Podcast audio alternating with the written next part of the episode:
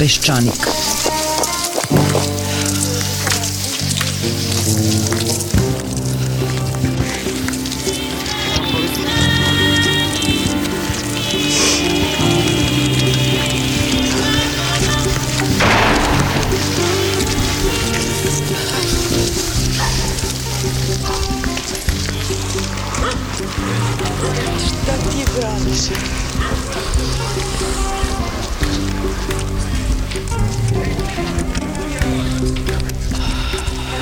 Peščanik.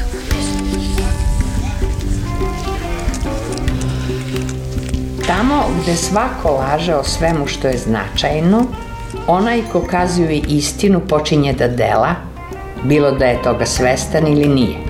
Tako se i on upliče u političku delatnost, jer u slučaju da preživi što nije sigurno, on započinje promenu sveta. Kada je ovoliko mnogo ljudi u strahu da će mu voda odneti kuću, uništiti useve i imovinu koja mu je preostala, nije lako postavljati bilo kakva pitanja, a pogotovo ne izraziti sumnju da do ovako velike katastrofe ipak nije moralo doći, bez obzira što je palo strašno mnogo kiše. To nadmetanje u atributima kojima se opisuje stepen nepogode još jedino nije stiglo do poređenja sa biblijskim potopom. Ipak nisu se razvalili svi izvori velikog bezdana, nisu se otvorile sve ustave nebeske, voda ne lije pet meseci i nije pokrila brda za 15 lakata. Mučno je gledati sve te slike nemoćnih ljudi koji stoje ispred svojih kuća kao poslednja straža pred Kolubarom, Tamnovom i Moravom. Ali ništa manje čoveku ne uliva strah ni to bezglavo ponašanje političara. Nije više smešno, kao zimus na Feketiću, gledati premijera kako nosi ćebad i sendviče šumadijskim seljacima, nežnog ministra pravde Selakovića koji gura granji s puta, ministra policije kako nosi pijaću vodu nekim zabezeknutim ljudima. U tim slikama se vidi da države nema, da se država raspala. Ako su Vučić i njegovi ministri hteli da pokažu ličnim primerom kako ljudima treba pomoći, kako to da ćebad, vodu i sendviče nose samo naprednjaci, gde su ostali članovi vlade, gde mu je, na primer, ministar za vanredne situacije Velimir Ilić. Čitam sve vesti i jedna nelogičnost sve vreme bode oči. S jedne strane, ovo je čudo nikada viđeno u istoriji ljudskog roda, a s druge strane u saopštenjima MUPA se pominju najpre stotine, a sada 4000 ljudi koji su evakuisani. Da je na spašavanju angažovano 647 vatrogasaca sa 30 čamaca, da je vojska angažovala 328 ljudi, od kojih je jedan načelnik generalštaba sa 7 čamaca i 14 motornih vozila. Jer mi to nemamo više vojnika, vatrogasaca i čamaca ili nema ko da ih organizuje, a ni ko da im naspe benzin u čamce, jer kako reče premijer, nedostaje mu da bi spasao sve, ne samo pijaća voda i sendviči, nego i benzin. Drugi državni službenici, takođe iz MUPA, nadležni za vadene situacije, pominju druge brojke. Da li neko uopšte ima pregled cele situacije, jer Srbija je ipak mala zemlja, ili svi trče za mahnitim premijerom i prenose mu ćebad i sendviče. Troje ljudi je izgubilo život u ovim poplavama i svakome normalnom je jasno da je to tragedija. Međutim, to holsko zapevanje premijera i ministra da je najvažnije spasiti ljudske živote, da ljude, kako kažu sami, na silu evakuišu iz njihovih kuća, može značiti da na taj način žele da minimiziraju enormnu materijalnu štetu koju će pretrpiti stotini hiljada ljudi koji će, kada se voda povuče u korita reka i rečica kojih su ih potopile, pitati a zašto niste novac ulagali u regulisanje slivova, čišćenje kanala izgradnju nasipa. Juče je sleto jedan Iljušin sa 60 ruskih spasilaca. Kada pogledate, to i nije tako mala brojka kada se gleda u odnosu na 328 srpskih vojnika. Od Rusa smo pomoć tražili i dobili. Ali kako to da naša vlast tvrdi da je uputila poziv za pomoć Evropskoj uniji, a ovi u Briselu kažu da poziv nisu dobili? Da li se golub pismonoša udavio zapadni Moravi ili u pitanju nešto drugo? Gde je problem? Pogotovo jer je pomoć potrebna odmah, a ne za nekoliko dana. Da li naši evroentuzijasti uopšte znaju kada, kome i kako da pišu da bi što pre dobili pomoć? Jedini, makar na prvi pogled, ko se ponaša u skladu sa onim zašto je nadležan i plaćen je crkva. Sveštenici su stali na neki most na zapadnoj Moravi i obratili se nadležnom, moleći da zatvori ustave nebeske. Ako smo dotle došli da nam samo Bog može pomoći, onda ništa više nije važno. Možemo samo da se nadamo da će pored nas proći neki balvan za koji ćemo se uhvatiti i čekati da se voda povuče. U danima i nedeljima koji su pred nama moći ćemo da pričamo šta se to osim kiše dogodilo.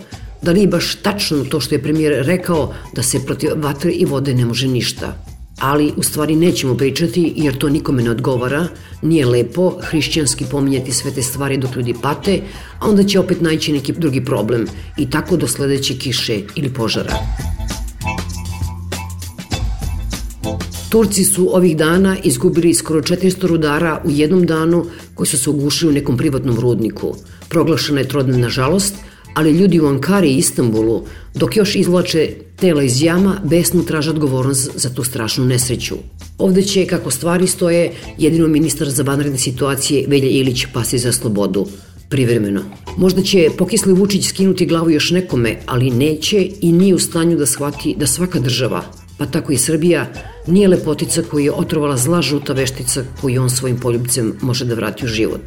O tome ćemo na neki način govoriti u današnjem Peščaniku, odnosno govorit će prvo Vesna Pešić, a potom Nadežda Milenković. Napredna stranka sada na čelu sa Vučićem i tom grupacijom oko njega, da oni u stvari jesu promenili nekakve stavove, ali to je jako plitko. Recimo, kad sam pogledala njihovi ti deset tačaka, a povodom odlaska Vučića u Bosnu, Tih deset tačaka tu apsolutno imate samo ono što je kod radikalne stranke, kako je ona nastajala, koja vam je ličila na neku paramilitarnu organizaciju, koja neka huliganska grupa, koja se zastiva na nekoj laži, moralizmu, mržnji. Znači, ona je razvila i neku svoju praksu, koja su se ovde sada, jedan deo su promenili, veoma površno, ali su začuvali te kulturne modele ponašanja Srpske radikalne stranke. Tako da se nama nekako ne slaže to da oni vuku ka Evropskoj uniji, znači stoji to da se oni opredeljuju za Evropsku uniju, ali da Srbija neće ući u Evropsku uniju bez Kosova. Onda piše to, i čak i onako štulicira rečenica, da je Kosovo srce Srbije. Onda isto tako kad nabrajaju o vezi sa spojnom politikom, jeste Evropska unija sa taj put, ali da i Rusija to ipak nekako najvažnija, da mi moramo ta nešto stara tradicionalna prijateljstva da opstanu. Promenili su to da granice Srbije nisu više Karlobag, Karlovac, Ogulin, Virovitica. To su odustali. Ali postoji da ukoliko mirnim putem će doći u jednom momentu do prisajedinjenja Republike Srpske i da će tako da se napravi konačno ta neka srpska država. E sad, kad je on kretao sada u Bosnu, Al Jazeera, Dani, ne znam ko još, neke televizije iz Bosne su mu postavili pitanje. Kaže, vama u programu stoji da vi planirate da se Republika Srpska prisajedini Srbiji. On na to kaže tom novinaru, a gde ste to pročitali? On kaže, pa pročitao sam na vašem programu. Kaže, ne, kaže, to uopšte ne postoji. Pre nego što je krenuo znači, na taj put u Sarajevo, oni su uzeli to i izbacili. Sad vi vidite, sutra dan će da vrate ili da izbace, njima to sve to jedno. Kao što mi vidimo da nas svaki dan nekako neko pravi na lude. Tako i on njih povukao za nos pa lagao. I sad meni je nekako to najviše sinulo povodom ovog slučaja ovog novinara Srđana Škora, koga je Dmitrović odmah tako reći sutra dan, on je bio šef deska u novostima, on ga je smenio sa tog mesta, gostovao je u jutarnjem programu RTS-a i tu je krajnje zdravorazumski kritikovao neke ministre. On je ovaj na kraju ispao nekakav stradalnik, a onda kad su pitali Vučića za njega, on je rekao, ja uopšte ne znam ko je taj čovek. Ja sam se onda setila i tako sam i došla na tu ideju radikalske subkulture. A ja se sećam onda kad je Nikola Barović, kad je on u jednoj emisiji bio sa Šešeljem, tek njega je sačekao telohranitelj Šešeljev i napravio prvo prišlo debele modrice, a onda je Šešelj rekao, moj telohranitelj nema nikakve veze s tim, on je se okliznuo na bananu. To znači da vas neko laže, ali ne samo laže, vas ismejava. Onda, recimo, sad kad sam videli ove stanove, kako će 100.000 stanova da se naprave, ja sam se setila, da, pa to je isto ono ko što su nudili hleb za 2 dinara. To vam je otprilike to. Biće stanovi za dž, biće hleb za dž.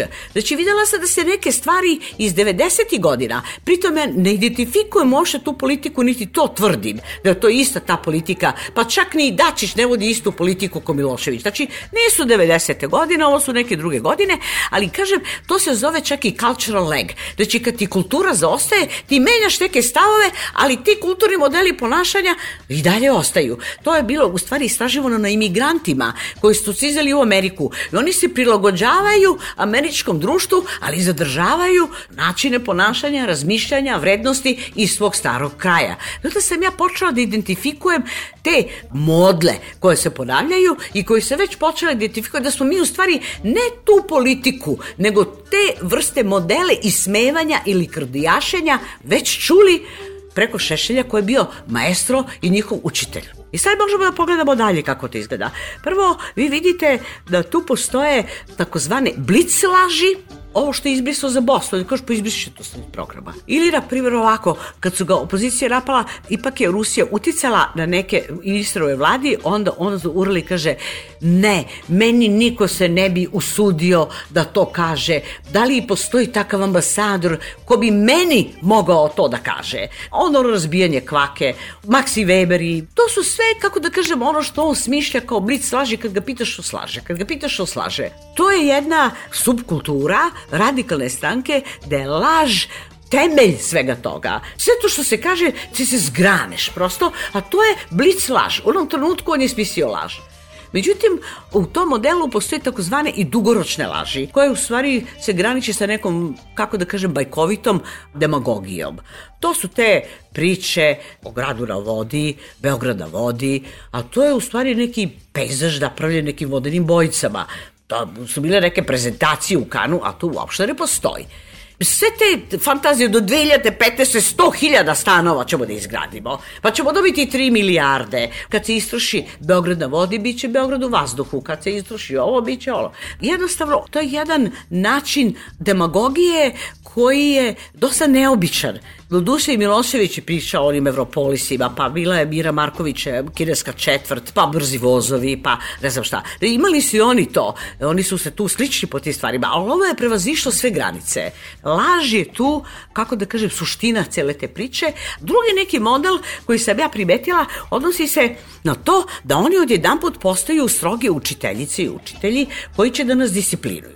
Pa će posledici toliko da rade, oni su toliko marljivi. Selaković u vladu će ući samo oni koji zasuču rukave. Tu mora da budu suze, znoj i krv. Onda recimo ova arrogantna promjena radnog vremena, to je otprilike to. Sad smo strogi učitelji moraju svi da stižu tačno na vreme. Danas vidim na prvoj stranici politike u Kraljevu od 260 zaposlenih u opštini, 47 je zakasnilo. Devet će odgovarati po disciplinskom prekršaju. Vi sad imate kao zviždeljku, ustajemo stalo stahanovski, kako su to neviđena vrednoća, kako su to oni trudbenici koji izgaraju na poslu.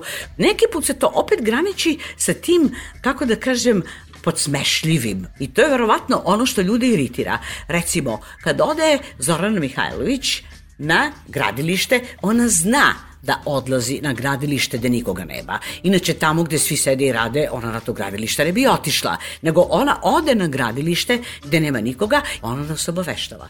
Evo, jesmo uhvatili. Kaže, evo, opet ih nema nigde.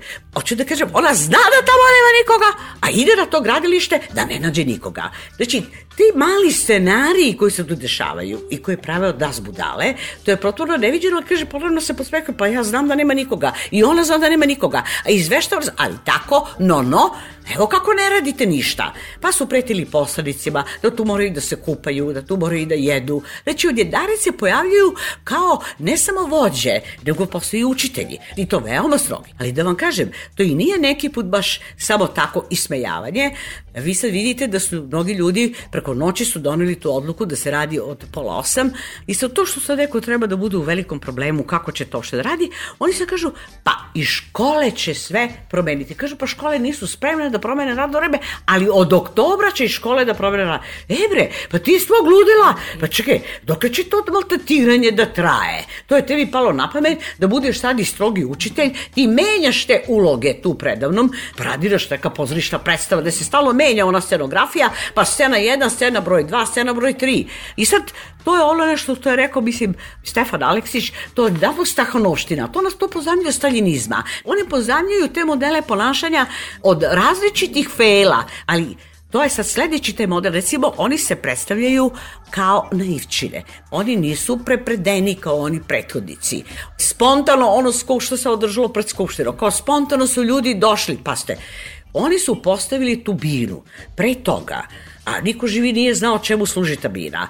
Prva stvar koju učinio Vučić, kao izabrani predsednik vlade, to je da prekrši zakon. Pred skupštinom ne smete da održavate skup kad je u zasedanju, mora da bude na dovoljnoj razdaljini, a oni su se skupili pred samo skupštinu što 4 sata, a skupština je zasedala, a drugo nisu prijavili skup. Vi znate koliko su žene u crnom za neki 8. mart maltetirali, što su šetali na trotoaru. Znači, on je prvo što uradio, prekršio zakon. A najtužnije u toj slici je bilo kad su se oni eksperti, oni svi skupili i napravili sliku svih ministara oko njega. To je sad sledeće što ćemo morati da objasnimo. Odakle sad taj fenomen da toliki sledbenici te idioterije, da tako kažem. Znači, sem što su naivni, nevini, nikad ni u čemu nisu učestvovali, juče su rođeni, ni za šta krivi, moraju sada da se žrtvuju. Oni imaju sada nešto što je veoma karakteristično, a to je paranoična ta crta. Skončaću, kao modernizator, pa onda pošto pozamljuju te modele, to je trebalo da nas asocira na Zorana Đinđića. Znam svoj narod, a najviše ga volim na svetu od njega ću skončati. A onda ide posle toga priča Zorane koja izlazi i kaže on će modernizovati Srbiju makar i stradao, makar ga i likvidirali. Onda ide ko ruši Vučića, ko ruši Vučića, ko ruši Vučića. A onda je bilo čak i to će se svi u jednom trenutku ujediniti protiv njega. Vi stalno vidite tu paranoičnu ideju, a to se opet, kažem, završava sa ovim škorom, zato što je to malo prodrlo i onda je ambasador Evropske unije, Devenport, na kraju ipak progovorio pre dva, tri dana, je jako iskritikovao medijsku situaciju u Srbiji, Na pitanje, da li ste vi čuli kako je Michael Davenport kritikovao stanje u srpskim medijima, On je na to rekao, znam ko mi je to smestio. Znači, vi imate sada silne te paranoične suze koje se pojavljuju, to naravno ide sa tim autoritarizmom koji se ovog puta specijalno, strahovito mnogo upravo vidi na tim medijima. Recimo, ta demagogija odbrana siromašnih, to kako oni jure te kune. Pogledajte kakva je ta laž. Prvi sastanak koji on održao, on je skupio sve te tajkune, sve koje mi znamo po imence već godinama, uključujući tog samog Biškovića, koji ima čak dao neke veoma korisne savete, a do, do juče u kampanji je bilo da li biramo između njega i tajkuna i pravi jednostavno budale. Sve drugo koga bi zaokružili na tim listama ili nekog drugog, to bi bilo tajkuski. A sad, prvo što je uradio, šta? Milijardu i ne znam koliko ćemo da damo pare tajkunima. I to selektivno kojemu se tajkun udvara, tome će da da. Znači, kao što vidite, on obnavlja taj stari sistem na jedan mnogo gori način. Svi su naravno kontrolisali medije, svi su volili to da rade i svi su imali svoje ljude po medijima. Sve je naravno uvek bilo, ali morate da gledate matter of degree, koji je stepen nečega. Znači, sad ovo u odnosu na ono što je bilo prethodnih, pa čak i za vreme Miloševića, vi sad vidite da su se mediji u stvari, kako da kažem, kao da su istrunili. Ja kad recimo vidim na prvoj stranici da se razglaba i kaže ovako, plata lažna, Rolex pravi. Oni idu sada na prvim stranicama sa tom demagogijom, razrađuju. Znači sad su pojavile čitave trupe koje razrađuju te neviđene radikalske budalaštine, devijantne i upravo u nekoj zoni nekog huliganizma. Oni sad sedi svaki dan razrađuju. Neću više da dužim, ali recimo ono što svima isto upada u oči, to je recimo to bildovanje tog ogromnog ega Vučićevog. On najbolje zna, čekamo, pa kad će on to da kaže? Iščekivanje njega koji će to da kaže. Znači sve u tom nekom iščekivanju, to će tek biti, to će se tek dogoditi, a čeka se i njegova reč. Ne samo da ćemo biti neko srećno društvo, da će se u Srbiji živeti mnogo bolje, da ćemo imati taj Beograd da vodi, nego i njegova reč se neprekidno odlaže da mi budemo u tom iščekivanju, da se taj ego što više pumpa, a onda ovi njegovi stalno i govore to da oni čekaju šta će onda kaže, on je najpametniji od nas. I onda kad kažu Da li je on harizmatični vođa? Ama nije nikakav harizmatični vođa. On je sve suprotno harizmatičnog vođe. Nego ti u stvari imaš ovo o čemu ja govorim, da svi podgovoreno to rade. Pa, na primer, pričanje o sebi. Kad je došao File, pa je vršio pritisak na njega da se srpska politika uskladi sa evropskom politikom u pogledu Ukrajine. Da bi to bilo jako dobro, možda nismo obavezni, ali kao neko ko reflektira, ko je otvorio pregovore, bilo bi dobro da se postavi na tu drugu stranu i da se svoju politiku spoljnu sinhronizuje sa ovom drugom. Onda on kaže ovako, nisam prihvatio, niti ću prihvatiti da uvodimo sankcije Rusiji, ali Kaže, ja sam takav čovek kome je najviše stalo do suvereniteta zemlje. Stalno govori o sebi. On je takav čovek, šta on voli, šta on ne voli. To se, e tako se gradi i onda kažu, pa ima on harizmasku. Pa nije nikakva harizmaska ličnost. Oni se preko toga se to pumpa. Neprekidno se taj njegov ego vođijski pumpa na sve moguće načine. A onda, obično ovi drugi ljudi koji su, kako da kažem, manje osetljivi, niti manje mi vremena da razmišljaju s tim fenomenima, onda oni to doživljavaju naročito preko koncentracije moći pre njima ta harizma stiže zato što vide da neko ima tako ogromnu moć i njih u stvari fascinira ta moć, a ne ovo o čemu ja pričam tim modelima kako on tu harizmu filuje preko novina, kako onda novinari takođe tu harizmu još razrađuju.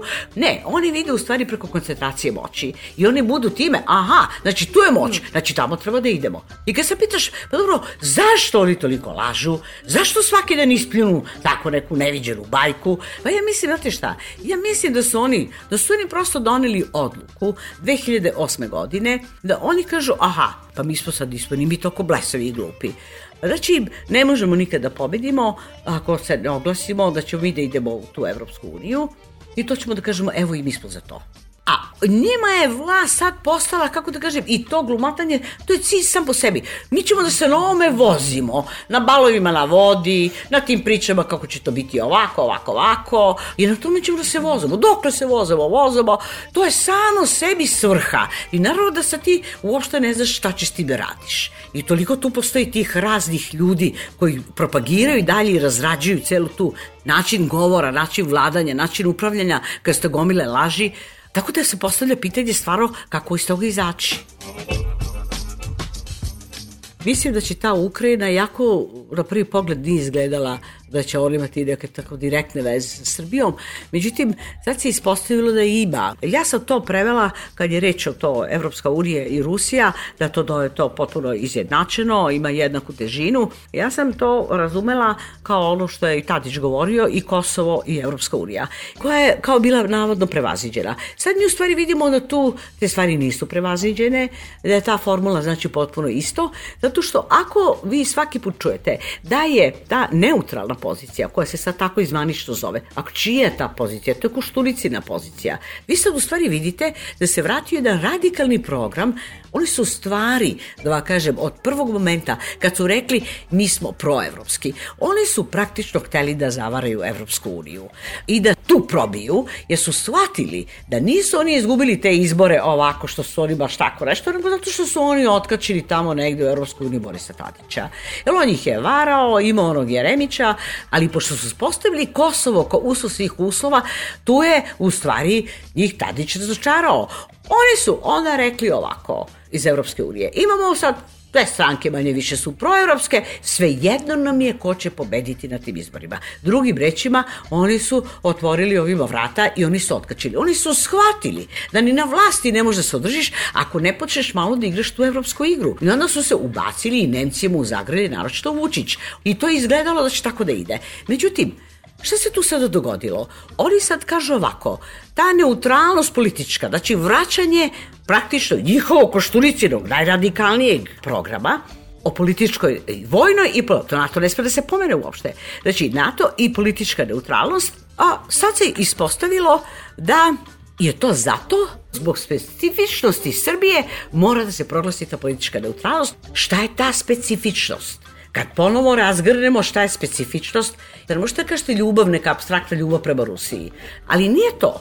Znači, ta specifičnost je u stvari odbrana Kosova. I sad smo mi napravili ceo krug, zaokružili celu priču, što smo se ponovo vratili na EU i, i Kosovo. E, u čemu je specifičnost? Specifičnost je u tome. Tu bi nadgradila tu ideju po čemu i zašto smatram da sem ovog blata i ovog nanosa laži i smejavanja, arogancije, autoritarizma, čega god hoćete, parnoje, tu se sada vidi da je Vučić u stvari jedna splačina od političara. On je nula kao političar da je on imao bilo kakvu instinkt politički, on bi uradio isto ono. I sad vidite kako se više i ne poklapaju te politiku. U jednom momentu su se Đukanović i Vučić jako sprijateljili. Pogledajte kako je u stvari Đukanović i njegova opozicija i druge i novinari neki, neke grupacije koje jako kritikuju šta se iznutra dešava u Crnoj Gori. Ta familijarna rodovsko pleme, koja je to korupcije, to je sve potpuno tačno. Ali on je 1997. godine, pred kraj završetka onih demonstracija, je savršeno politički imao nerv da prepozna da u stvari već od tada došao kraj Miloševiću. Šta je on uradio? On je izašao i rekao je, dao je onaj čuveni intervju vremenu i rekao je Milošević je prevaziđeni političar. Vrata koji su mu se tada otvorila, on nikad više nije dao da mu se zatvore. Tako ga vidimo u Vašiktonu, lupa na vrata da uđe u NATO, on će preko reda da uđe u Europsku uniju i šta je uradio? Uveo i sankcije Rusiji. Što može nama da zvuči smešno, da je na mala zemlja, oni mogu samo stavom da se priključe.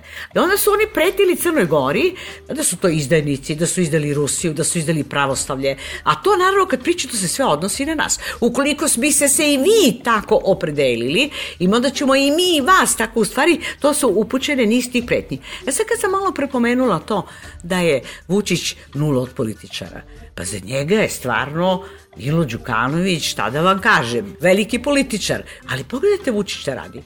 On je imao sada mogućnost da da go da zabije, penal je pucao. Kad je dobio tolike aplauze, pored toga dobio je ogromnu većinu. Ništa ga nije sprečavalo da isto to izjavi da kaže Putin je prevaziđeni političar i da napravi veliki potez. Jer tu radio ti to jedan put. Tako ti pozicioniraš i sebe, ali pozicioniraš i svoju zemlju. Pa si dan dana seća Tita kako smo se lepo vozili na kreditima nesvrstanih jednih drugih, pa hoće sada da imitiraju tu nesvrstanost. Od toga nema naravno ništa. To njemu ni na pamet nije palo. On nije uspeo, niti ima hrabrosti, niti se time bavi. On smišlja ove sitne intrige kako nas da vuče za nos svaki dan. Znači, odje kao političar nula, imao je veliku priliku, znači sa unutrašnje strane nema nikoga ko bi to mogao da ospori, niti bi ga bilo ko mogao dovesti u pitanje. Sa zapadom bi konačno uspostavio tu vezu, to je bilo strašno važno zato što cijela ta ekonomska priča, kako ćemo se mi razviti kao ekonomija, živećemo samo od onoga što proizvodimo. Nikad Srbija od pamti veka do danas nije živela od onoga što proizvodi. To je nemoguće. Znači, mi smo uvek bili u nekom deficitu, nego kada se dese ovakve ogromne perturbacije u bogatom svetu, u razvijenom svetu, periferne zemlje počinju da kriziraju. Otišle su naravno ove zemlje. Znate, ove nove, sveže zemlje nerazvijene, slabe ekonomije, koje praktično nikad ekonomiju nisu ni razvile, tako da onda tu propada, evo, Hrvatska takođe, znači, našto istočne zemlje koje nikad nisu ni razvile ekonomiju. Znači, mi smo uvek živeli od toga što nam kapne nešto odande.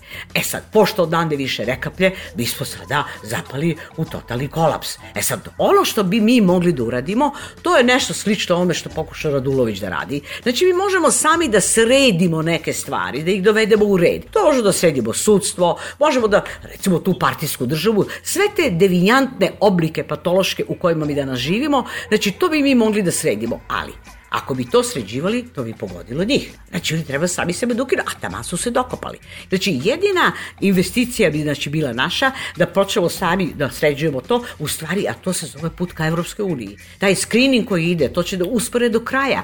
Taj red njih ugrožava i onda će to da rastege koliko god mogu više, na primjer, dokle oni tu mogu da opstanu, posle toga ih više ne zanima.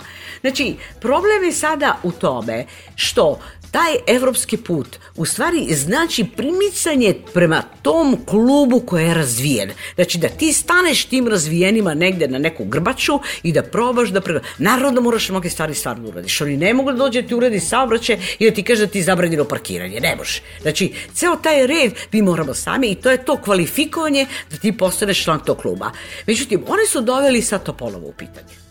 Sad mi ponovo smo u stvari zakucani na Rusiju i, i Evropsku uniju, mi moramo biti strogo neutralni, znači mi smo već napravili u tom pogledu korake unazad, a to sam ja mi rekla, to što su oni politički profitabilno bili promenili, a zadržali ovu lopovsko lažljivu kulturu radikalne stranke, oni su već tu reterirali. Znači, oni će sada dalje da kriziraju, zato što će se vršiti sa ove druge strane pritisak i to verovatno s jedne i s druge strane, ali Evropska unija će ponovo Srbiju da stavlja na nekakav test, ne zato što je njoj toliko stalo da se ta jedna mala država opredeli, nego zato što potpuno razume u čemu je ta specifičnost. Kako da vam kažem, može jedno vreme da se oni tamo zavaraju, ali kad smo ih zavarali, kad su ih zaplaudirali, onda trebalo dati go i napraviti poentu i zaista nešto raditi. Prema tome to Vučić nije ni uspeo, nije mu palo na pamet, on je to propustio, a on će verovatno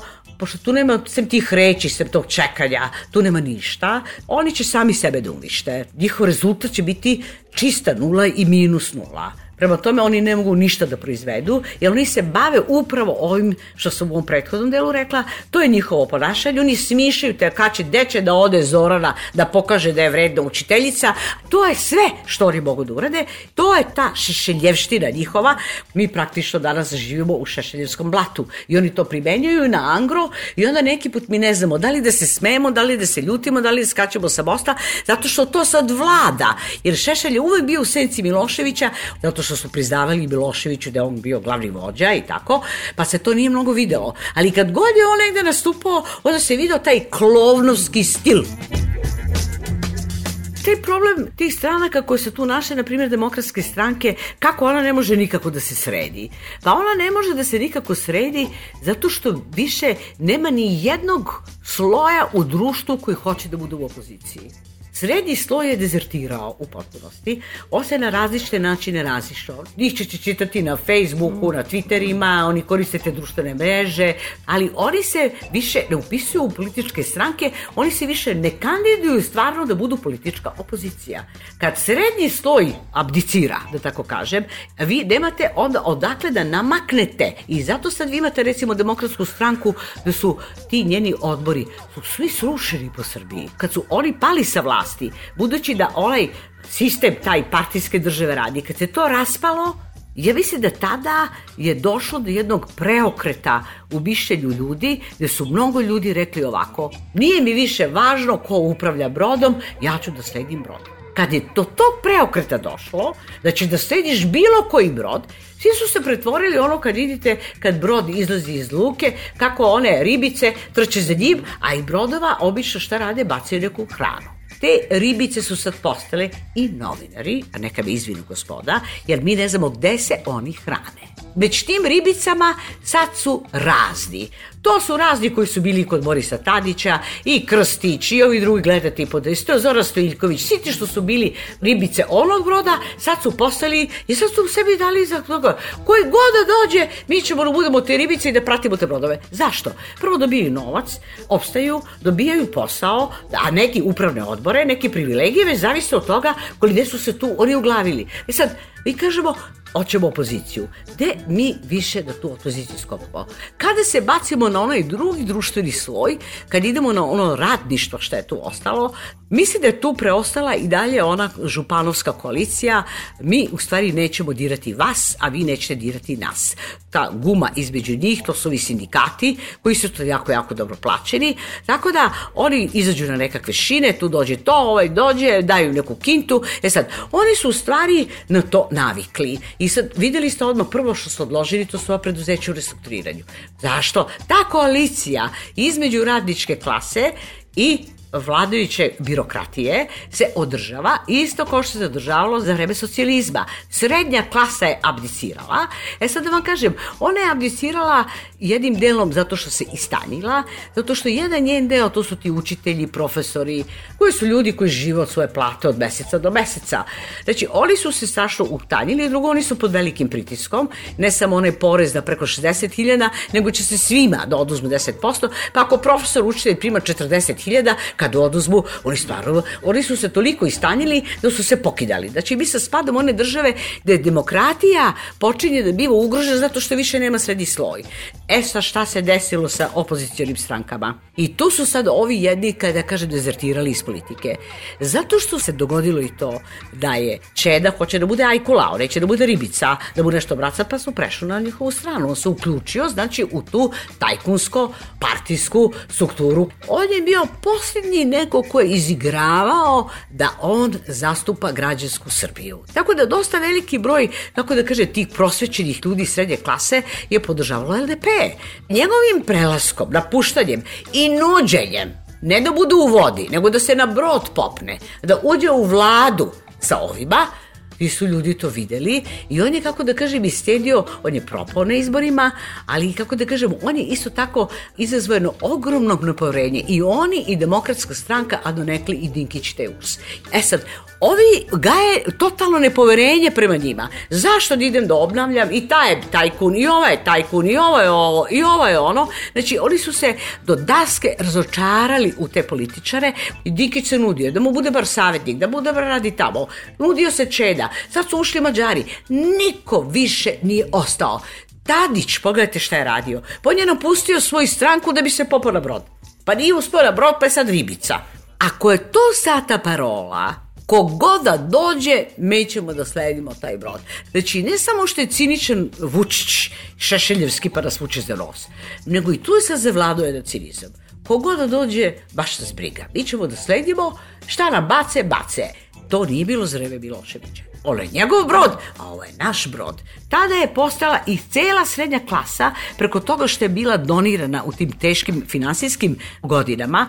Mi smo svi živeli od velikih donacija. Ceo univerzitet, sve što je moglo, sve su to bile, univerzitetske mreže, umetničke radionice, ma ne znam šta nije bilo. Mediji, Mislim, svi. pa mediji, svi, svi su živjeli od toga. E, te donacije su nestale, ta srednja klasa se istanjila, oni nemaju više para, a ono što se namestilo i što i dalje to misle, oni ono neće kažu, pa za šta? Ba ti si mene jedan put preradio, pa si me drugi put preradio, pa si me treći put preradio, pa sad više mi ne pada na pamet. Sad ne plove ti brodovi i radiš šta znaš. Tako da su neki više i neće da se politički angažuju, tako da ja vidim sad krizu tih stranaka više u tome, ne, ne sad oni što se tamo, da će biti Pajtić ili Đilas. Ja više ni ne znamo kakve su to grupe. Drugo, oni ne treba da budu opsednuti nekakvim liderom, niti se to što pojaviti, niti to što treba. Oni treba samo da probaju da se organizuju i da probaju da polako gledaju gde im se vrata otvaraju. Svetlana, vrata im se upravo otvaraju sad oko Ukrajine i Rusije. Sad povuci na ovu stranu. Mi smo ponovo lideri Evropske unije. Oni moraju znači da se okrenu ka Evropskoj unije, ali na pravi način. Sad je svakom jasno ko su ovi. Oni im rezultate neće dati, ili će da otpadu sami od sebe, ali šta ćemo da imamo? Kako ćemo da se pripremamo? E sad, ja kažem, demokratska stranka ili neka druga stranka, pošto sad oni nemaju klijentelu, šta će sad neko kod njih? Šta će oni da dobiju tu? A pošto svako gleda nešto da dobije, to je ta sad stiska. Što sad kad izgubiš kao novinar posao, ti ne možeš nigde ga dobiješ. Znači, strašno se stestilo. Tako da su i novinari postali ribice i oni prate i svi ti koji su bili u demokratskoj svi oni su sad se ukrcali i slede ovaj brod i čekaju i od tuda ti objašnjivači koji tumače Vučićevu sve budalaštine i oko radnog vremena i oko ovoga, tumače šta je divno u svemu tome. Već te ribice koje se hrane sa, sa tog broda, tu vam spadaju takođe i ti eksperti. Zato što oni imaju svoje veoma specifične interese. A, ste da nas je, na primjer, Đelić napustio, francuski državljanin, i došao je ovde, sedeo je izvesto vreme, kad je bila ta izborna noć, ja sam bila u demokratskoj stranci, bio je tamo i Đelić i pohvalio bi se kako je dobio u Francuskoj neko veliko mesto, mislim. I tako isto i onaj Jelašić to uradio. On je odmah toga dobio nekoliko ponuda da vodi neku nemačku banku, da vodi ovoga, bila sam guvernerka, bila sam ministarka. Znate kako izgledaju ti CV-u? Jer kad ti napraviš takav jedan CV, onda ti lepo sebi napraviš to kockošu dasku, a ovo si sve prečutao. Tu se, u to se ti ne razumeš, ti nisi u politici, njime služiš, ništa ti tu ne smeta.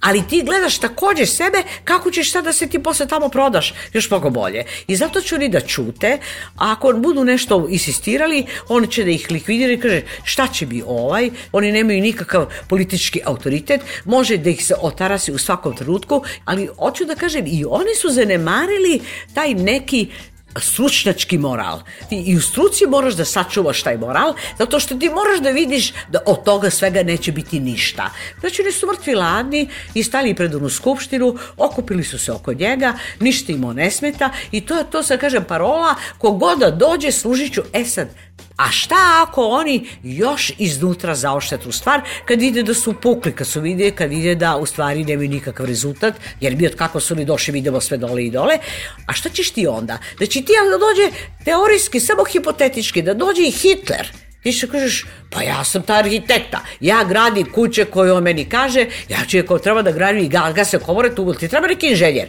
pa ja sam inženjer ta ideologija koja se sad vidi ovde, koja je zahvatila i te stručnjake, znači tu srednju klasu, ona postaje strašno opasna.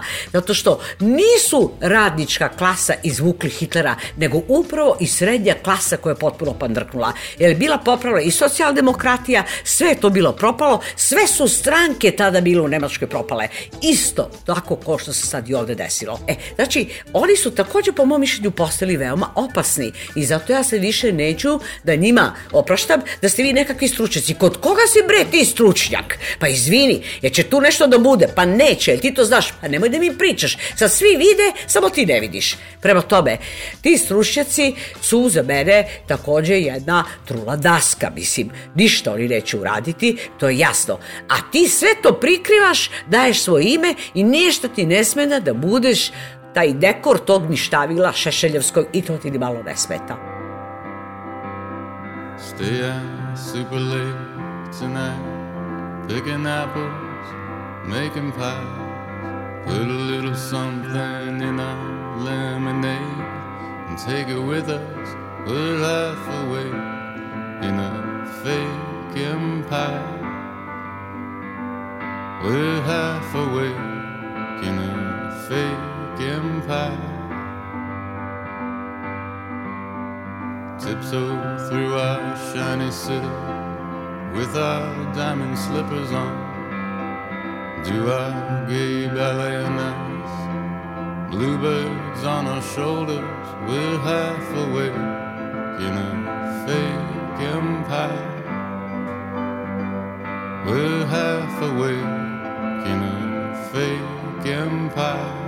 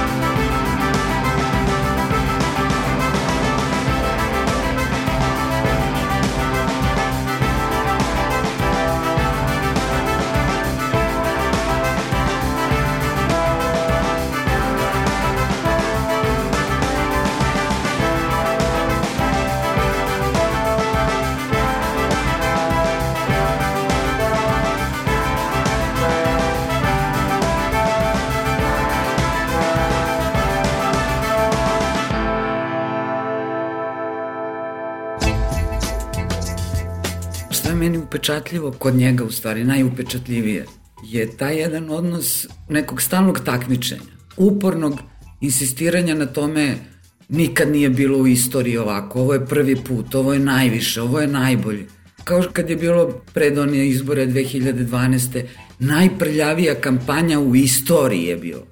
I to mi je onako strašno na neki predškolski period vuče. Mislim, ono kad si klinac pa Znaš, ja sam prvi pojeo supicu. Prvi sam ja zaspao. Ja sam sad, mama, ja sam prvi stigao.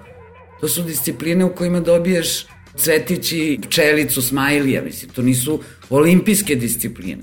A on to postavlja kao sad, za to se dobijaju zlatne medalje na olimpijadi. Pa ne, ti ustao si prvi i to je u redu, to je tvoj bioritam, trudiš se, a znaš, on je toliko puta govorio, ja prvi dođem na posao, ja poslednji odem s posla. Pa dobro, sad niko nije reagovao. Pa je onda davo izjave, ne mogu nađem asistenta koji će da ustane sat vremena pre mene i da legne sat vremena posle mene. Pa dobro, mislim, razumem problem, ali ili ti je to bioritam ili mnogo radiš ili jedno i drugo i okej, okay, ali pošto nije izazvalo u javnosti tako neko oduševljenje da sad ko sad je, to je za medalju, onda je on se probudio jednom i rekao, e sad ćeš ti vi da ustajete rano. E, ima da ustajete u šest, u pola osam svi da se postroji, da vidite kako je meni teško, ja to tako tumačim. I sad naravno zabuna, škole, obdaništa, deca, ti ljudi, sve se to promeni u jednom danu. I sad, pošto on tako rekao, sad kreće ekipa njegova da to brani. Najnesuvislija odbrana, znači, ali najnesuvislija, pritom je to ministar za rad, socijalnu politiku, zapošljavanje, boračka pitanja. Ti shvatiš da on ne zna u stvari posao koji će da radi. On kaže, to je zato što u tim zemljama dan traje duže. Dakle, mi živimo na Aljasci, a ne znamo. Poplava je, u stvari otapaju se ledeni bregovi oko nas. Gde je dan duže? Da li je u Austriji dan, ili u Mađarskoj, u Bugarskoj, u kojoj državi koja radi od 9 do 5 dan traje duže? I vrh, naravno, kad je rekao, kutlača je zakon da se vratimo maminom ručku, instituciji maminog ručka, mene da zatvoriš u sobu, da smislim nebuloznije objašnjenje, ne verujem da bi mogla da se setim od toga. Ajde Jadranka Joksimović posle toga izađe ona sad žena proba da kaže ne ne to je na osnovu nekih studija koje su rađene i onda smo zaključili da su ljudi najaktivniji do 1. I onda da im se produži taj pa čekaj neće biti najaktivniji do 1 ako su nenaspavani, ako su nervozni jer šta radi tvoje dete kad ti kreneš na pomislim hiljadu stvari moraju da obave i sa, sa tom pričom naši ljudi više vole rano da ustanu ili da spe, ne to je otprilike pola-pola, to se zna odavno u teoriji i praksi da postoje ljudi ševe i ljudi sove. Ko sad ja, da se takmičim, ja sam budna do pet ujutru. I svi koji ne mogu da budu budni do pet ujutru su manje vredni od mene. Pa ne, to je samo, je, naravno je važno šta radiš dok si budan. I kako to radiš i u kojoj količini i za čije babe zdravlje i za čije dobro. I sad uvešće da i škole počinju u pola osam. Pa šta je sledeće? Ti kad si jednu stvar promenio, sad ćeš tek da otkrivaš na kojim mestima to ne može da se uklopi sa celim sistemom koji je građan godinama. Ne radi ljudi od 9 do 5 od prekeče. To što on forsira to takmičenje u dečijim disciplinama, niko ne kaže čekaj, ta disciplina malo bez veze, mislim, nije poenta sad ko je ranije ustao, nego je poenta šta smo uradili, kako smo razumeli šta treba da radimo, nego u stvari ceo jedan sistem se upregne da to sad tu dečiju disciplinu da je svi otpratimo. Sad paparaci jure, predsednik Nikolić je došao u 9.20, impeachment, da ga skinemo, neko drugi. Znaš, ovaj ministarka, kad ste došli, Kori Udovički, vidimo u novinama fotografija, poranila na posao i sad ide peške, ne znam, kroz knezmih, ali sad je i to vest. Došli smo dotle da je sad vest kad je ko ustao, malo smo poremetili kolektivno, ako je sad to najvažnije kad ko legne i kad ko ustane. A nemamo pojma i niko ne prati između šta rade ta ministarstva, da li donose neke odluke, zakone, koje zakone, i plus ono sad ćete da jedete, spavate i da se umivate, to mi je najbolje, znači nema kupanja, samo ono vrati uši, osnovno, higijeničar, ovde ćete se umivate, mislim, u parlamentu, što je Vlado Pavićić lepo čovjek rekao, nije, nemaš ti kao vlada i predsednik vlade da odrediš parlamentu, da mu se obratiš na taj način, tu ćete spavati djete da, mislim, se umivati. Ja sam jedini koji nisam 7 sati, 8 sati ustao iz ove sale. Vi ste svi išli da jedete, pijete, nisam jeo, nisam pio vodu, nisam išao da piškim. Kako ne shvata, to nije za pohvalu. Neko ima takvu bešiku, neko ima prostatu, mislim šta da rade ovi stariji ljudi, Krkobabić, na primjer, i ceo pups, kako, oni ne mogu da ti dokažu da su ok poslanici tako što će trpe 8 sati, fizički ne mogu. Šta je sledeće? Stavljamo pelene starijim o, o parlamentarcima. I srešno me podsjeća na ono, to je ovaj, Ružica Sokić u filmu Žuta i u predstavi, kada policajac kaže ko mrdne u podrum, kad se ona zeza ko prdne u modrum. E ja mislim da šta je ta atmosfera napravljena sad ko mrdne i sale taj ne valja. Ne znam šta, šta su sankcije. Za početak su sankcije, ti ideš na, ne znam, stup sramote, kao eto, otišao je u WC. Ja se naravno slažem da mora da postoji radna disciplina, radna obaveza, sve to, misli, postojalo i ranije, sad samo treba da to stegneš, da se to i poštuje. Svi ti propisi koji postoje, da se poštuju. Ali ako se ti fokusiraš tako da dođeš do toga da nije u redu da je neko izašao iz sale u WC, nego je sad to, ne znam, vele izdaja maltene, onda tu nešto debelo nije u redu. Ok, da ministri dolaze na ove sednice, da nemaju telefonske sednice, Kori Udovički je došla kasnije, on je ukorio, ko što samo ime kaže. E sad, naravno uvek imaš sve te čizme koje, cipele koje je demokratska stranka i taj režim postavio, ovi su samo razgazili. Ako pogledaš neku ukupnu atmosferu koju pravi uvek lider koji vodi čiji je režim, ovaj pravi predškolski. I svi se uklapaju u to i niko da kaže čekaj, čekaj, mislim, ajde sad nije, nismo predškolski uzraz da je ko je prvi pojao supicu da se to računa. Tadićev režim je bio srednjoškolski, to ono kao gimnazija. Idemo na basket, jurimo devojčice, give me five, Oni su kao dobri đaci, ali samo ako nastavnica neće da pita. A onda nastavnica Angela Merkel, na primer, dolazi i sad oni kao nešto nauče i znaju i kažu prave stvari, ode nastavnica i idemo mi na basket jurimo devojčice. Znači to je, kad ih onako sve, sad, samo kad se setiš i kad ih pogledaš koju su atmosferu pravili, to su bili srednjoškolci. Onda smo imali Miloševićev režim, na primer, to su bili matorci. To je sve vreme je bio neki roditeljski sastanak. Mi da vidimo kakvi su đaci, ko nije bio dobar u školi. Aha, Slovenci nisu bili dobri, sad ćemo da im bojkotujemo robu. Neprekidno zasedanje, to nastavničko veće, na primjer, i roditeljski sastanak i savet roditelja, ne znam, znači, sve vreme su tako zvučali. Aha, sad Hrvati nisu bili dobri, sad ćemo njih da ukorimo. Sad ćemo da ih izbacimo iz škole, e pa će oni da vide. I mislim, deset godina si ti imao sve vreme takav odnos. Mi smo stalno neke ukore nekima davali, izbacivali iz škole, lupali kečeve, dok nama nisu lupali o glavu bombe, pa su se smirili. Onda je došao Koštunica, njegovi su bili starmali. Što ovi su bili autentično matorci, a ovi su ono starmala deca, ono kad učiteljica ode do zbornice, pa kad kaže ti izađi na tablu i piši ko nije bio dobar. E, ovi su tako starmalo, izađu na tablu kao što su i čuvali stari režim ovih matoraca, onda su oni to sve na tabli pisali, aha, nije dobar ove, evo ovi Albanci, oni nam uzimaju Kosovo. Vidite sad, mi ćemo da zaštitimo Kosovo učiteljice, mi ćemo ga stavimo u preambulu.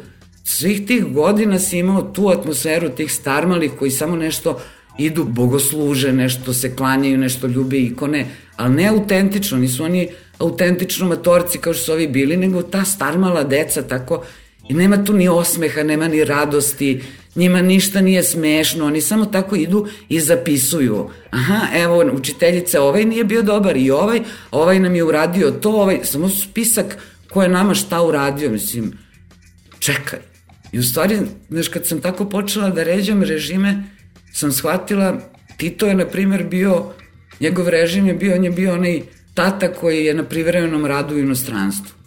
Znači, nije tu da te guši svaki dan i ceo dan, nego samo proverava je luče školu, nemaš kečeve, nemaš, ideš redovno u školu, to je dobro, dobit ćeš svoj džeparac za to i ideš na more.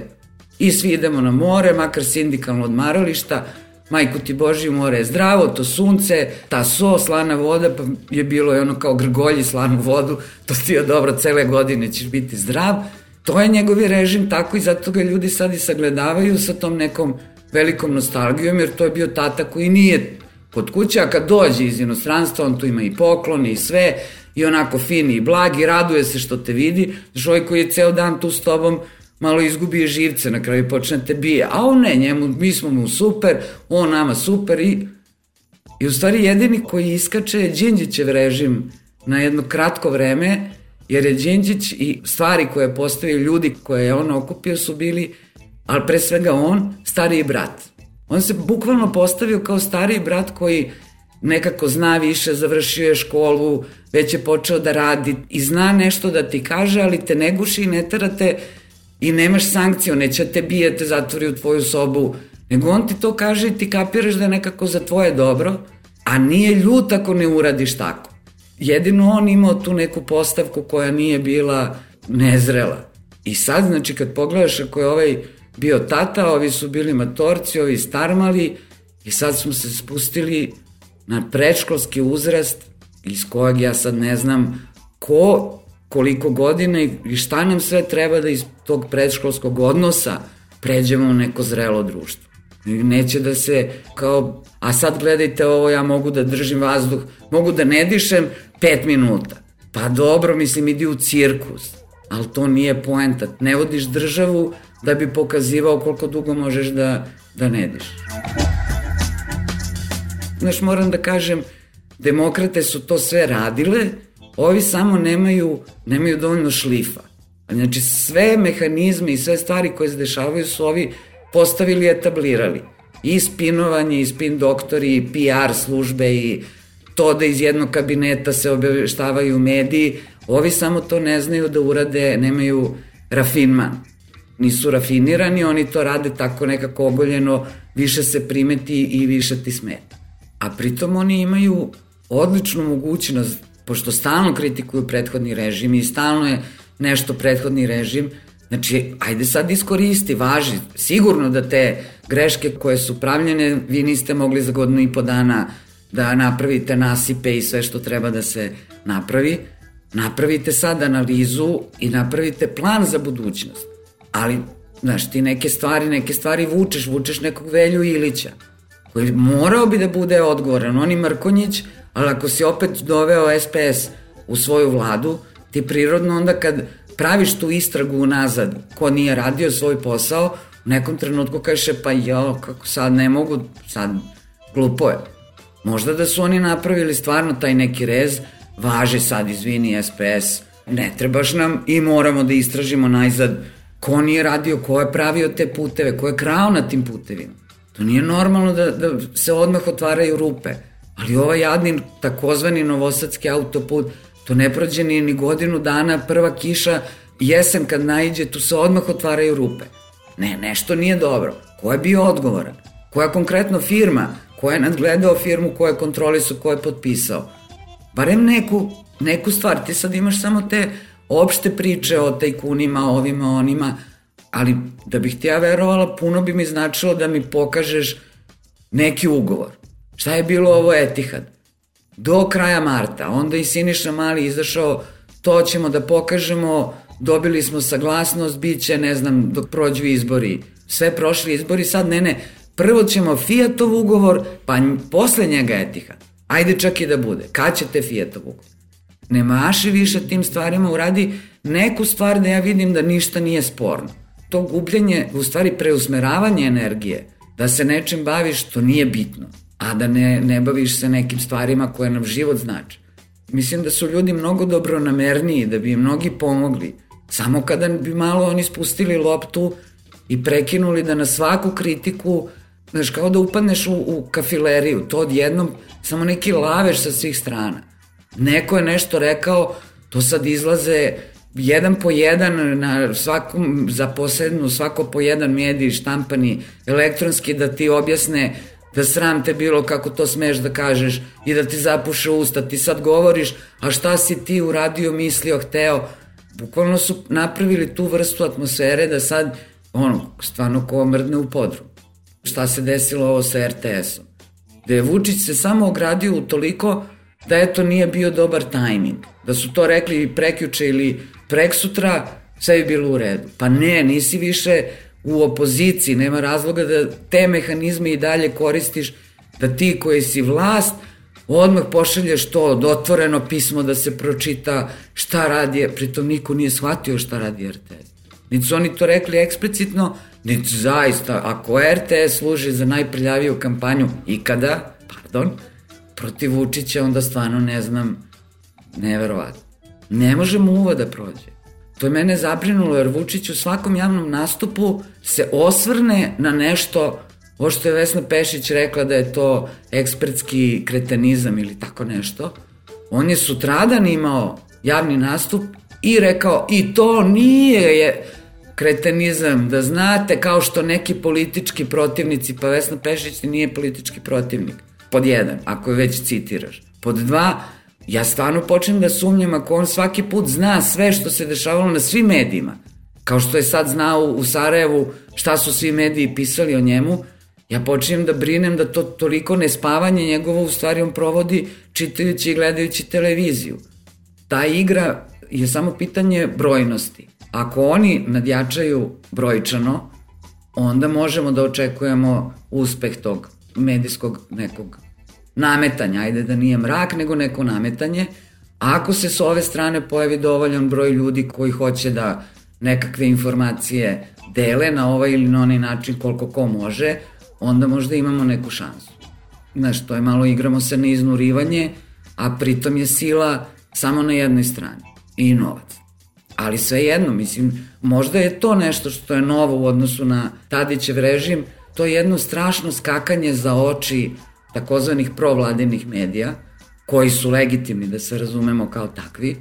To nije, stvarno nije bilo u Tadićevo vreme da ako je neko kritički prema režimu, da ga neki drugi mediji tako napadne najstrašnije sa nekim niskim udarcima na sva zvona zašto je on rekao to što je rekao. Ti sediš i dosledno pokušavaš da neke stvari, neke pojave u društvu, nekim ljudima koji su zainteresovani da baš od tebe čuju objašnjenje ili mišljenje, da im ga daš. I to je smisao peščanika, od kad postoji. Tako da sad ti radiš samo istu stvar koju si radila i Tadiću. Ali sad dobijaš to da nikada niko nije napadao ni vlast, ni jednu stranku tako kako se sada napadaju oni. Ne, ti si u Tadićevom režimu imao naravno pritiske i na medije i, i sad je isto to. Nije to, mislim, nije nikakav novi izum, samo je pitanje da li će oni da sad cipelom u usta ili će nekako da dobiju neki savet da malo spuste loptu. Ali bojim se da nema spuštanja lopte zato što je napolju strašno. To je onaj vic Sloba Milošević navuče zavesu u vozu i kaže krenuli smo. Znaš, oni imaju sad samo tu mogućnost, jer ako mi gledamo kroz prozor i vidimo da voz stoji, neko će jednom trenutku kaže ljudi, pa stoji voz, ali ovako kao ne. Sad kad tako pogledaš pa kao, pa Milošević je puštao vreme da postoji. I Koraks u vremenu, i Pera Luković u vremenu, i ti neki tekstovi koji su bili ne satira, nego satiranje.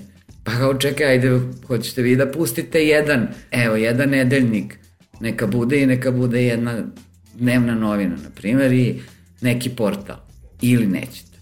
Ja razumem da je njima vreme da nema zezanja, ali i nama je tako vreme došlo. I živimo zajedno s njima, njima gori pod noktima, u strašnoj su situaciji, država je u strašnoj situaciji, oni su preuzeli odgovornost da to makar poprave, ako ne da naprave da je bude dobro, ali mi to isto živimo svakog dana. Razmišljam o tome kuda može da ode ta atmosfera u društvu koja se pravi, ta jedna tako strašno napeta, svaki dan je nešto važno, presudno, nikad, taj dan nikad pre nije bio. I te neke, znaš, strašne, teške odluke, pa bolne reforme, pa ono, ako se sećaš još dok je bio brislavski sporazum, pa zavrtanje ruke, pa spavanje na patosu, pa podignuta je, atmosfera se stalno nekako ne spušta.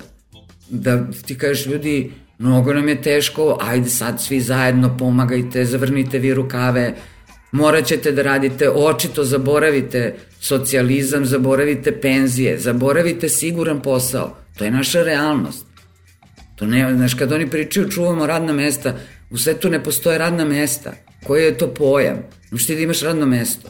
Ti ili Imaš posao, radiš nešto ili ne radiš. Mnogi ljudi ne rade. Mnogi ljudi rade dva posla. Otkrite svoje talente, otkrite mogućnost da odete na selo, pa ćete imati svoju baštu, pa imate neku sigurnost, pa su vam manje komunalije jedna opcija, druga opcija, umete li nešto pravite, su vam, spretni ste u rukama, nešto morate, neki mali biznis, nešto peto, neko udruživanje, mislim, to je činjenica. To što nas zamajavaju tom pričom mi nećemo, otvaramo nova radna mesta i tako, realnost govori nešto drugo. I sad oni na tu našu muku, znači ti imaš jednu realnu muku ljudi i onda mi na to kao skrećeš pažnju, evo gledaj kako je sve opasno u ovom društvu, kako se ja puno trudim, samo mi stavljaš nove muke koje mi na neki način, ja razumem da oni veruju da će meni to da pomogne, jer kao, Bože, vidi kako je svima strašno i ovoj vladi koliko je strašno i koliko se muče, sad moraju pola osam da ustaju, ali moj realni život se nije popravio time. Svi mi znamo da u tom javnom sektoru, pre svega u administraciji, znači idi na bilo koji šalter i jasno ti je da tu imaš višak ljudi, a da se loše radi. Znaš, kad oni kažu, ali ne možemo ni da ih otpustimo, onda će oni da budu bez posla. Pa je tačno. Ali isto tako i ovi ljudi u fabrikama su bez posla. Mi svi znamo da su to partijski ljudi. Ali sad odjednom, pošto su oni višak i ostaće na ulici i njihova deca neće imati šta da jedu, mi sad to ne možemo. Ja razumem da je teško. Mislim, ne, sam u životu, mislim da sam ti pričala, jednom bila u dva mandata vladar i pukla, to kad se pojavila ta igrica civilizacija i sad ja sam kao taj prvi put kad mi uvalio neki drug da igram, ja sam tu kao, znaš, demokrata, super, ja da razvijem pismo, da opismenim svoje pleme, da oni sad nauče grnčariju pa poljoprivredu, šta bude, naravno, napadnu me avari ili kako su bi varvari neki i za čas, okej, okay Znači moram da imam vojsku. Ja sledeći put igram, ja sad ulažem u vojsku, sad sam ja pametna, neće mene niko da napadne i da me svrgne sa vlasti. I naravno šta bude vojni puč, mislim, pošto sam ulagala u vojsku, oni su osilili i svrgnu. I ko, ja više ne igram.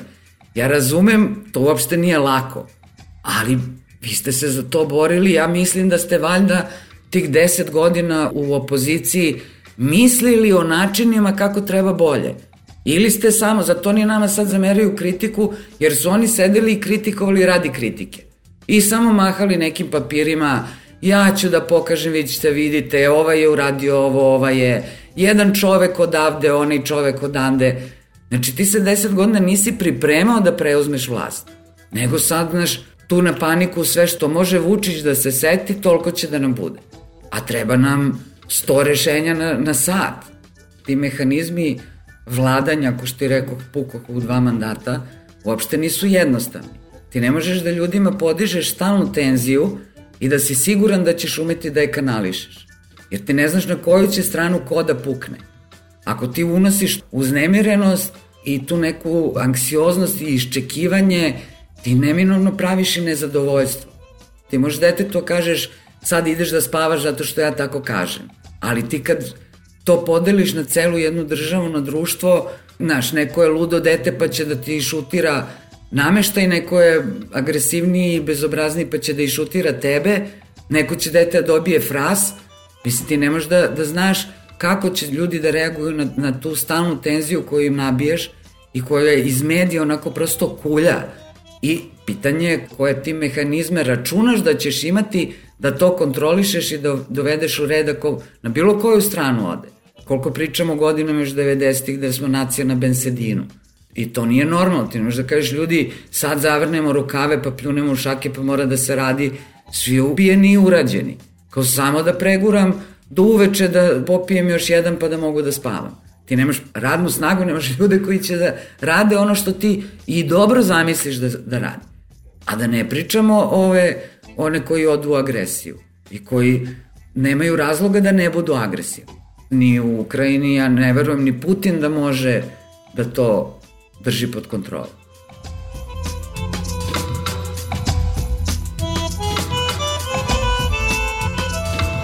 Bio Peščanik, slušali ste Vesnu Pešić i Nadeždu Milenković. Pozdravljaju vas Svetlana Vuković i Svetlana Lukić. Peščanik